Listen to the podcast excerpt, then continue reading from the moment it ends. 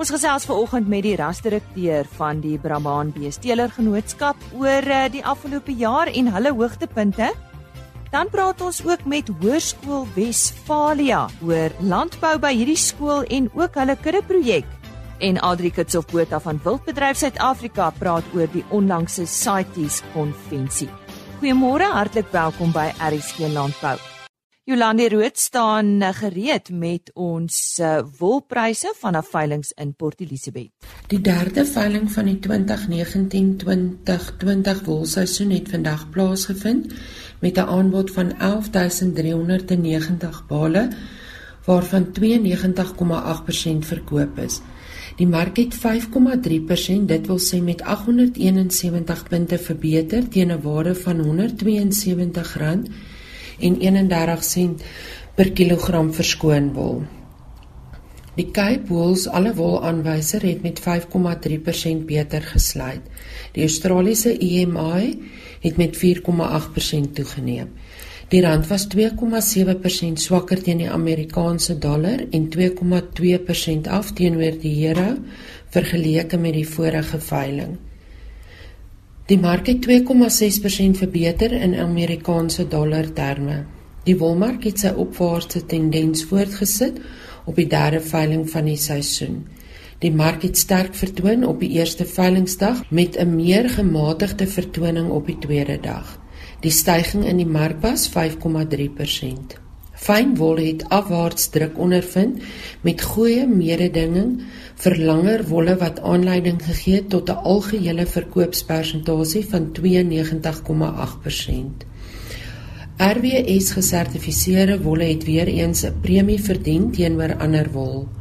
Verbeterde marksentiment kom gekombineer met 'n swakker rand teenoor Die Amerikaanse dollar en beperkte voorraad vir uitvoerbestellings het goeie mededinging meegebring vir die betere tipes wol. Die grootste kopers op die veiling was Modiano SA met 4185 bale, Standard Wool SA met 2193 bale, Lemprier SA met 1731 bale en Stucken & Company met 1371 bale. Die gemiddelde skoonwolpryse vir die seleksie binne die verskillende mikron kategorieë goeie langkamwol tipes was soos volg: 18,0 mikron styg met 4,7% en sluit teen R190,23 per kilogram. 18,5 mikron neem toe met 3,8% en sluit teen R185,94 per kilogram. 19 mikron verhoog met 3,7% en sluit teen R182,36 per kilogram. 19,5 mikron versterk met 7,4% en sluit teen R182,88 per kilogram. 20 mikron is 6,8% op en sluit op R178,95 per kilogram. 20 mikron is 5,6% sterker en sluit op R175,94 per kilogram. 21,0 mikron styg met 4,7% en sluit op R173,95 per kilogram. 21,5 mikron het 3,1% toegeneem en sluit op R171,63 per kilogram. 22 mikron styg 6,2% en sluit op R168,61 per kilogram. En 22,5 mikron is 0,3% swakker en sluit op R172,33 per kilogram. Die volgende veiling vind plaas op 2 Oktober wanneer plus minus 5847 bale aangebied sal word. Jolandi Rood daar met ons nuutste wolmark verslag. Met ter nosterstroping wat 'n toenemende probleem in veral Suid-Afrika word, is daar die afgelope paar jaar al meer fokus geplaas op die konvensie oor internasionale handel in bedreigde spesies of CITES wat nou eintlik uh, ons dit ken. Adri Kitsofbota van Wildbedryf Suid-Afrika het uh, onlangs teruggekeer van 'n vergadering wat in Switserland plaasgevind het en sy vertel ons nou meer. Adri, Ons het al voorheen hieroor gepraat, maar kan jy baie vinnig net vir weer vir ons opsom waaroor CITES gaan? Moederlike, ja, nee, CITES net om te weet waarvoor dit staan word gespel as C E T E S en dit staan vir the Convention for International Trade of Endangered Species. So dit is 'n konvensie wat so hier middel 70 gestig was waar ehm um, lande aan behoort regerings aan behoort as lede, so regerings word lidlande en daar word spesifiek gekyk na internasionale handel van fauna en flora wêreldwyd van bedreigde spesies. Het die besluite wat daar geneem word enigsins 'n impak op hoe lande hulle fauna en flora bestuur? Wel, tot en ja, ek wil kyk die land as 'n party tot CITES. Jy weet mense altyd hoor hulle sê 'n mens gaan na COP toe in in in the the parties. Jy weet jy, dit is nou die konferensie van partye en die partye is nou die regerings. So die lande word verbind tot die besluite wat daar geneem word, wat die besluit ook al mag wees. Ehm um, en hulle moet die bepalinge daarvan dan nakom. So selfs as Suid-Afrika byvoorbeeld 'n besluit sou teestaan as daar opgestem was en ons so besluit met die wat Suid-Afrika lidland is moet hulle daaraan onderhou. So jy weet administratief dit is 'n uh, uh, impak op die land van uitvoer en die land van invoer van van enige fauna en flora jy weet byvoorbeeld die uitreiking van permitte en dan is daar natuurlik die monitering van van die toepassing van die wet ensovoorts. So dit is maar die effek wat dit het op die besluite wat die wat die regerings van die partye is van SADC. So wat voorsien jy sal die gevolge daarvan wees? Weet jy die oorspronklike intensie van hierdie konvensie, ehm um, is soos ek het gesê dit dit gaan oor inter, internasionale handel en om dan nou onder andere te verhoed dat internasionale handel van wilde fauna en flora ehm um, daardie plant of diere sal bedreig. So so dit is 'n goeie ding. Maar as ons kyk na die gevolge, dan moet ons miskien kyk na die besluite wat hierdie jaar geneem is. En hierdie konvensie vind elke so tussen 3 en 4 jaar plaas. En een van die besluite was byvoorbeeld om alle al 9 kameelperd uh, spesies wat daar is op appendix 2 van CITES se lyste te plaas. En hierdie voorstel is gebring soos lande soos Chad, Mali, Senegal en so voort. Nou ons het almal as kameelperd populasies in Suid-Afrika en eintlik Suider-Afrika is uiters gesond. Inteendeel, ons populasies het gegroei oor die laaste 30 jaar en ehm um, en en dit is nou hier in Suider-Afrika in die lande waar waar kameelperd gejag word, het populasies so gegroei. En ons regering het 'n baie goeie inligtingdokument met goed nagevoerde inligting het hulle aangebied tydens dit waarop hulle gewys het dat die handel van van in kameelperd het geen bedreiging vir die populasies nie. Jy weet dit word nie bedreig in Suid-Afrika nie. En daarmee het Botswana voorgestel dat die Suid-Afrikaanse lande moet uitgesluit word by hierdie besluit. Um, maar dit het toe nou ongelukkig nie gebeur nie. So, maar die dokument het gewys hoe Die bedreiging van die ander Afrika lande is nie die internasionale handel nie. Die bedreiging vir daai kameelperde is byvoorbeeld die verlies van habitat, dis byvoorbeeld droogte, en konflik tussen mense en wildlewe. So alhoewel die kameelperd nou gelys is by CITES en mense nou 'n permit moet gaan kry om enigstens 'n kameelperd ehm um, produk te kan uitvoer uit die land uit gaan dit nie daardie diere in die res van Afrika enigstens help nie, want hulle word nie bedreig deur internasionale handel nie. Ag maar weet jy wat dit duidelik, toe, toe die lande moet stem hieroor is al die wetenskaplike oorwegings en feite heeltemal geïgnoreer. En dan is daar ander voorstelle, byvoorbeeld Eswatini se voorstel oor hulle witrenoster. Ehm um, Zambie het voorstelle gehad oor olifante of of daar was voorstelle van Zambie se olifante oor Namibië se witrenoster. Maar uiteindelik die was dit nou duidelik dat ehm um, die die besluite wat geneem is van van die lande wat daar is en ek dink daar was net so oor 140 lande hierdie jaar wat kon stem wat daar was ehm um, het het gestem teen enige iets waar daar byvoorbeeld uh, om jag as 'n onderliggende waarde is. En en ja die gevolge dan met ander woorde as jy net daardie waarde wegvat en as jy administratiewe besommernisse inbring ehm um, dan het dit 'n effek op die op die waarde van daardie van daardie diere. En ons het gesien met met swart wildebees, ons het gesien met met bontebok. So Ja, ehm um, die gevolg uiteindelik is nie altyd so goed vir die dier of vir die groei van die populasie soos vir die mense wat daarvoor stem, dink ek gaan wees nie. Ek sou graag bietjie meer oor die kameelperde wil gesels. Sou jy die besprekings rondom die lysting van kameelperde en nou hierdie afkeuring van Eswatini se voorstel as 'n laagtepunt van die konvensie beskou? Ja, jy weet, sê die konvensie self, se voorwoord nou nog van hulle reëls. Sê baie duidelik dat mense in state, weet mense en regerings, is hulle eie beste beskermings van wilde fauna en flora. Hulle erken dit. Maar nou is dit duidelik dat Ander regerings neem besluite namens ons oor ons diere waar ons soewereiniteit aangeval word. Ehm um, jy weet daar's lande wat nie eers kameelperde het nie of of ek weet nie of van hulle dit al gesien het, maar hulle mag stem oor die besluit oor hoe ons dit moet bestuur. So ehm um, die wetenskaplike gefundeerde voorstelle of deur insette deur Suid-Afrika is is geïgnoreer. So ehm um, jy weet die hele ding een van die voorwoord dat dat die lande die beste beskermers is en dan die ander ding dat dat besluite moet wetenskaplik geneem word. Ag dit dit gebeur net nie meer nie. So ja, dit is regtig 'n laagtepunt. Mm, en hartseer. Bietjie meer positief, wat was vir jou die hoogtepunt van die konferensie Adri?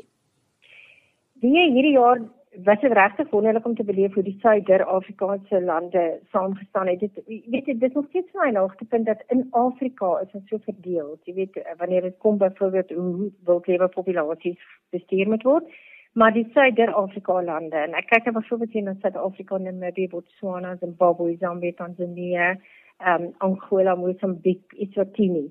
Um hulle samewerking en hulle ondersteuning uh, vir wanneer daar um byvoorbeeld 'n voorstel gemaak het of voorstelle teen gestaan het. Hulle hulle ehm um, benadering oor 'n wetenskaplike basis en hulle het opgestaan 'n paar keer tydens hierdie 12-dae konferensie en hulle het regtig die boodskap oorgekry dat jy weet Suider-Afrika ons het vir die wêreld gewys ons suksesvol ons lewe kan om met met ons wildlewe kan omgaan en kan bestuur. En ehm um, hulle het ook vir die eerste keer ooit het iemand of 'n land um binne in CITES en vir die eerste keer in 43 jaar het hulle en nou weet jy wat die Engels Afrikaanse woord is nie they raised a dispute. In dis is duidelik dat die sekretariaat van CITES het gesê om dit te hanteer en dit het juist nou gegaan oor oor hoe die kameelpad bespreking hanteer was. So dit is my regtige hoogtepunt is dat die Suider-Afrikaanse lande so saam staan en ons ons land het ook baie baie waardevolle um inligting gegee by die konferensie En hoe lyk die pad vorentoe, Adri? Ek weet nie. Weet jy, daar's baie mense wat sê want Suid-Afrika moet dit oorweeg om om by SARS uit te kom en as ons sê Suid-Afrika beteken dit nou die regering, nê. Nee. Maar mense moet onthou ons het oor die 500 diere visse voels wat daar weer geraak word. Ek dink daar's ietsie 4000 plante wat by Sakies gelys het. So dit is nie so eenvoudig nie, maar ek dink die pad vorentoe is dat die dat die regering, die Suider-Afrika regering sal ontmoet of moet ontmoet en en kyk hoe gaan hulle die hele ehm um, huidige benadering van ander partye by Sakies, met ander woorde ander regerings, hoe gaan hulle dit hanteer? Die feit dat toegelaat word dat besluite kan neem geneem kan word sonder enige wetenskaplike grondslag So van die regeringskant af sou ek glo dat die die lande Suider-Afrika met mekaar kom en daaroor praat. Ehm um, van die bedryfsektor af eh uh, die organisasies, ek dink ons moet baie meer betrokke raak en op hoogte wees van wat van SARS aan as jy daar sit. Al die ehm um, die nie-regeringsorganisasies wat nie byvoorbeeld volhoubare benutting of jag ondersteun nie of wat nie regtig weet of nie Afrika aangaan met die beskerming van ons wildlewe nie, het, het 'n baie groot invloed op hulle regerings en ons as organisasies dink ek moet ook net baie meer betrokke raak by ons regering se gesprekke, selfs by ander lande se gesprekke en ehm um, en ons moet seker maak dat ons gehoor word. Ja, ons sê baie dankie aan Adri Kitshof Botha, sy is natuurlik hoofuitvoerende beampte van Wildbedryf Suid-Afrika en sy het met ons gesels oor uh, oor CITES en uh, ek dink dis iets waarvan ons almal reeds al gehoor het en ons sê vir haar baie dankie. Die Oktober-uitgawe van Veeplaas is reeds op winkelrakke landwyd beskikbaar en daar is weer artikels te kus en te keur. Naskoolse onderrig en opleiding is een van daardie dinge wat swaar druk op ouers se finansies, maar ons almal wil tog vir ons kinders die beste hê.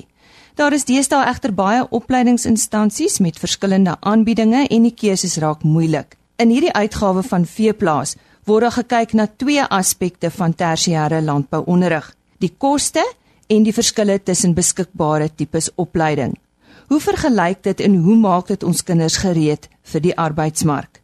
Daar is ook 'n gesonde dosis tegniese artikels, boere wat meer wil weet oor wurmbeheer, teelwaardes en die grootmaak van vervangingsverse. Moenie hierdie uitgawe misloop nie. Boerderye landwyd is besig om na intensiewe stelsels te beweeg en hoewel dit meer ekonomies kan wees, het dit sy eie uitdagings. Lees in hierdie uitgawe watter siektes so 'n stelsel kan lam lê en maak betyds voorsiening. Daar's ook 'n interessante artikel oor saalpas en 'n bekende in perdekringe verduidelik hoe jy kan seker maak dat jou perd se saal regpas en nie beserings veroorsaak nie. Dit is in hierdie maand se uitgawe van Veeplaas. Ek het tydens die Alpha Expo daar op Parys uh, met Johan Lou van Hoërskool Wesfalia gesels oor 'n landbou by hierdie skool en 'n bietjie meer oor die skool gaan uitvind. En uh, daarna gesels ek ook met uh, Marina van der Merwe wat uh, die kudde projek by hierdie skool moontlik gemaak het. Uh, my naam is Johan Lou, ek is die departementshoof landbou by Hoërskool Wesfalia. Johan, vertel my van Hoërskool Wesfalia en hoe dit nou gekom dat jy by landbou betrokke geraak het. Hoërskool Wesfalia is 'n akademiese skool, uh, tans met 'n landboustudierigting wat al drie die landbouvakke, landboubestuur, landboutegnologie en landbouwetenskap aanbied. Die behoefte het ontstaan dat in die Noordwes provinsie was landbouopleiding relatief min. En het ons toe op daai stadium die enigste skool in die groter Matlosana gedeelte geword wat al drie die landbouvakke aanbied. Dit het ons dadelik gelaat met 'n probleem dat as gevolg van die praktiese komponent kon ons dit nie op ons skool aanbied nie omdat ons nie 'n plaas het waar ons die praktiese aktiwiteite kon hanteer nie.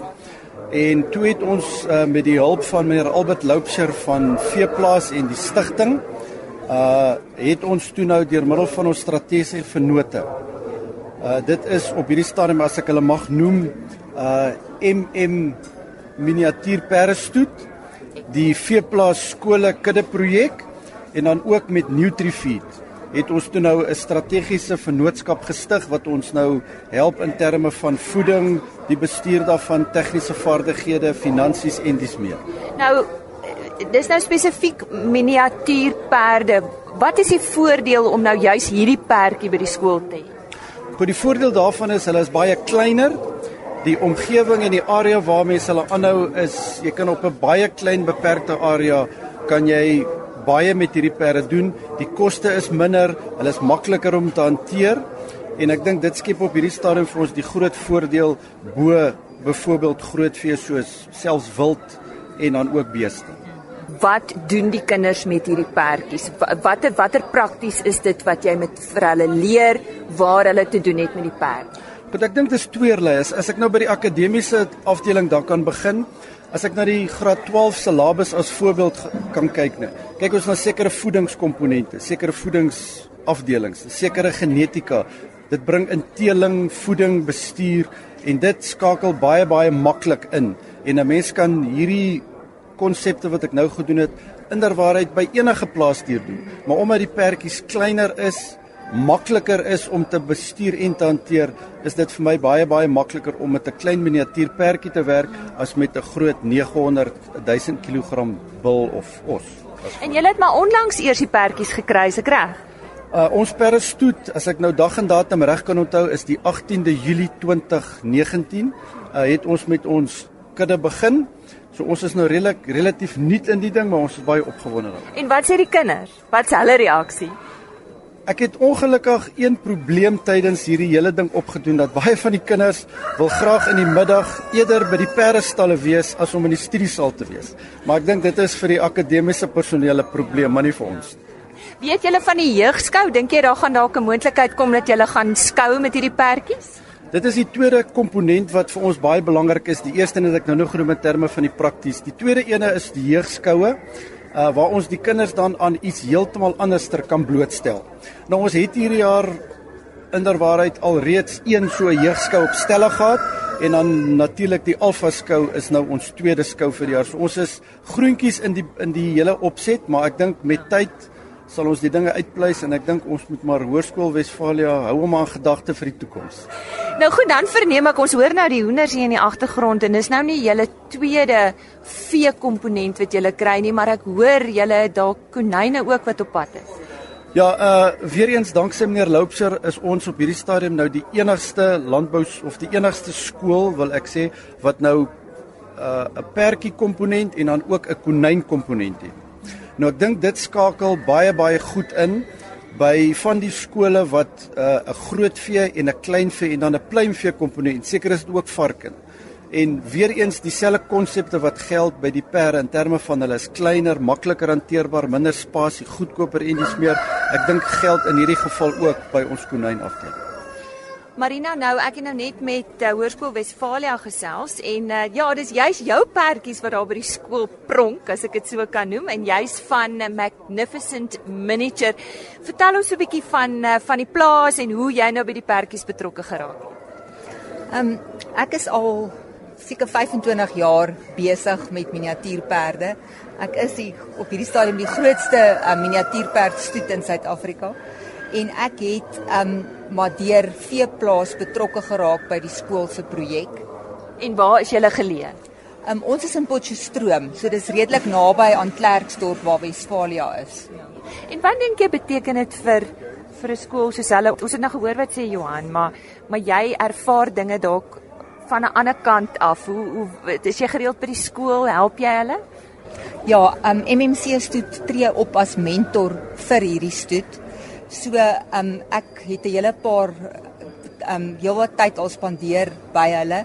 Ons het gaan kyk na die perdjies se huisvesting, die stalle, hoe dit lyk.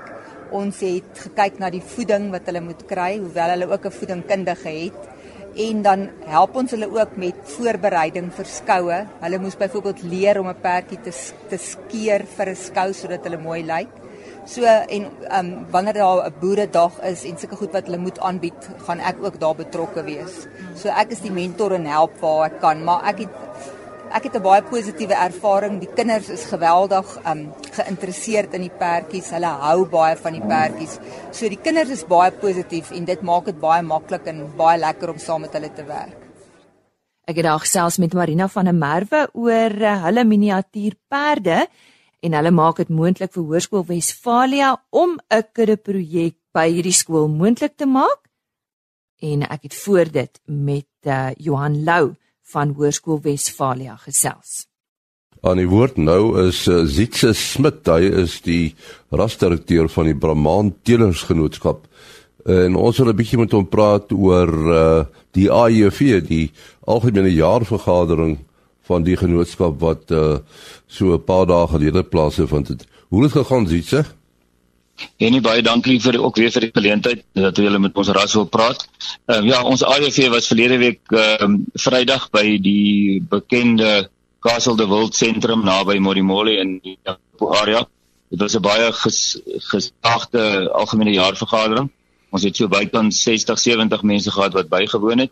Ehm um, ons bestuur het redelik onveranderd gebly. Ons het een nuwe uh, raadslid uh, byverkies meneer Don Emsley is ook 'n Limpopo man van hulle ras af en dan het ons ons president is nog steeds meneer Sitney Hand en ons visiepresident meneer Wayne Porter van die Ooskaap.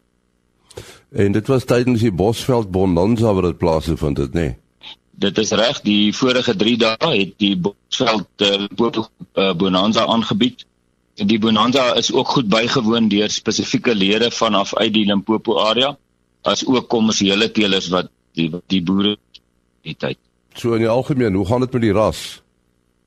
En nee, dit gaan eintlik met ons baie goed. Um, ons het 'n baie geslaagde nasionale veiling gehad die laaste week van Augustus tot en met die eerste week van September. Ehm um, tot en met die 7de, ons het die Saterdag die nasionale veiling gehad. En soos dit seker al bekend is, het ons tydens die geleentheid ook 'n nuwe Suid-Afrikaanse rekord gekry vir 'n Brahman koei wat verkoop is vir 430 000 rand. Sy is geteel deur meneer Brett Pringle vanaf Natal en die koper was Louma boerdery uit die Tabazimbi omgewing. en 'n besonderse koei wat ook gedurende die jaar se skoutydperk in uh, Natal, uh, Royal en dan ook in Tabazimbi, Bella Bella en dan ook dan weer by ons Afrika Livestock Expo koei elke keer presteer en dan was sy kampioen en dan het sy dan ook die hoër louere behaal deur die hoogste koei koei te word in die afgelope tyd om verkoop te word in die ring. Kyk, kyk, 'n bietjie 'n paar pryse noem. Ehm um, ons gemiddeld op die nasionale veiling was vir ons bulle net oor die 83000. Ehm um, die koeie en kalvers was dan die aard van die saak hoog, dit was 133000 gemiddeld en dan ons verse dragtig of oop verse wat aangebied het op die nasionale veiling was net oor die 41000. Ehm um, die veiling wat uh, ook Saterdag plaasgevind het, dit was nou die dag na die algemene jaarvergadering van meneer Louwelen Labeskagh en Weltevreden boerdery. Ehm um, was ook 'n besonderse geslaagde produksieveiling en tydens die geleentheid het ons weer eens ook 'n nasionale rekord oortref deurdat een van die bulle van meneer Louwelen na beskagting is verkoop vir 'n nuwe Suid-Afrikaanse rekord van 1 miljoen rand. Die koper in die geval was wel tevrede in boerdery is ook mense van 'n nuwe jongteeler van uit die Limpopo area Christian en Mika Botha van die Weltevrede in Brahmans. Ja, ek kan hoor eh, Zitse praat met 'n groot glimlag. Dit was dan Zitse Smit, die rasdirekteur van die Brahman Teelersgenootskap. Onthou môreoggend om 05:30 is dit weer tyd vir RSG Landbou. En uh, interessante gesprekke wat ek dan gaan hê. Ek gesels onder andere met François Bed van die uh Fair Play beweging. Ons praat met hom oor hoenderstorting en dan uh, het jy al kans gesien om insekte te eet. Ja, dit raak al hoe meer populêr en môreoggend praat ons juis oor 'n alternatiewe vorm van proteïene en dit is insekte. Tot môre.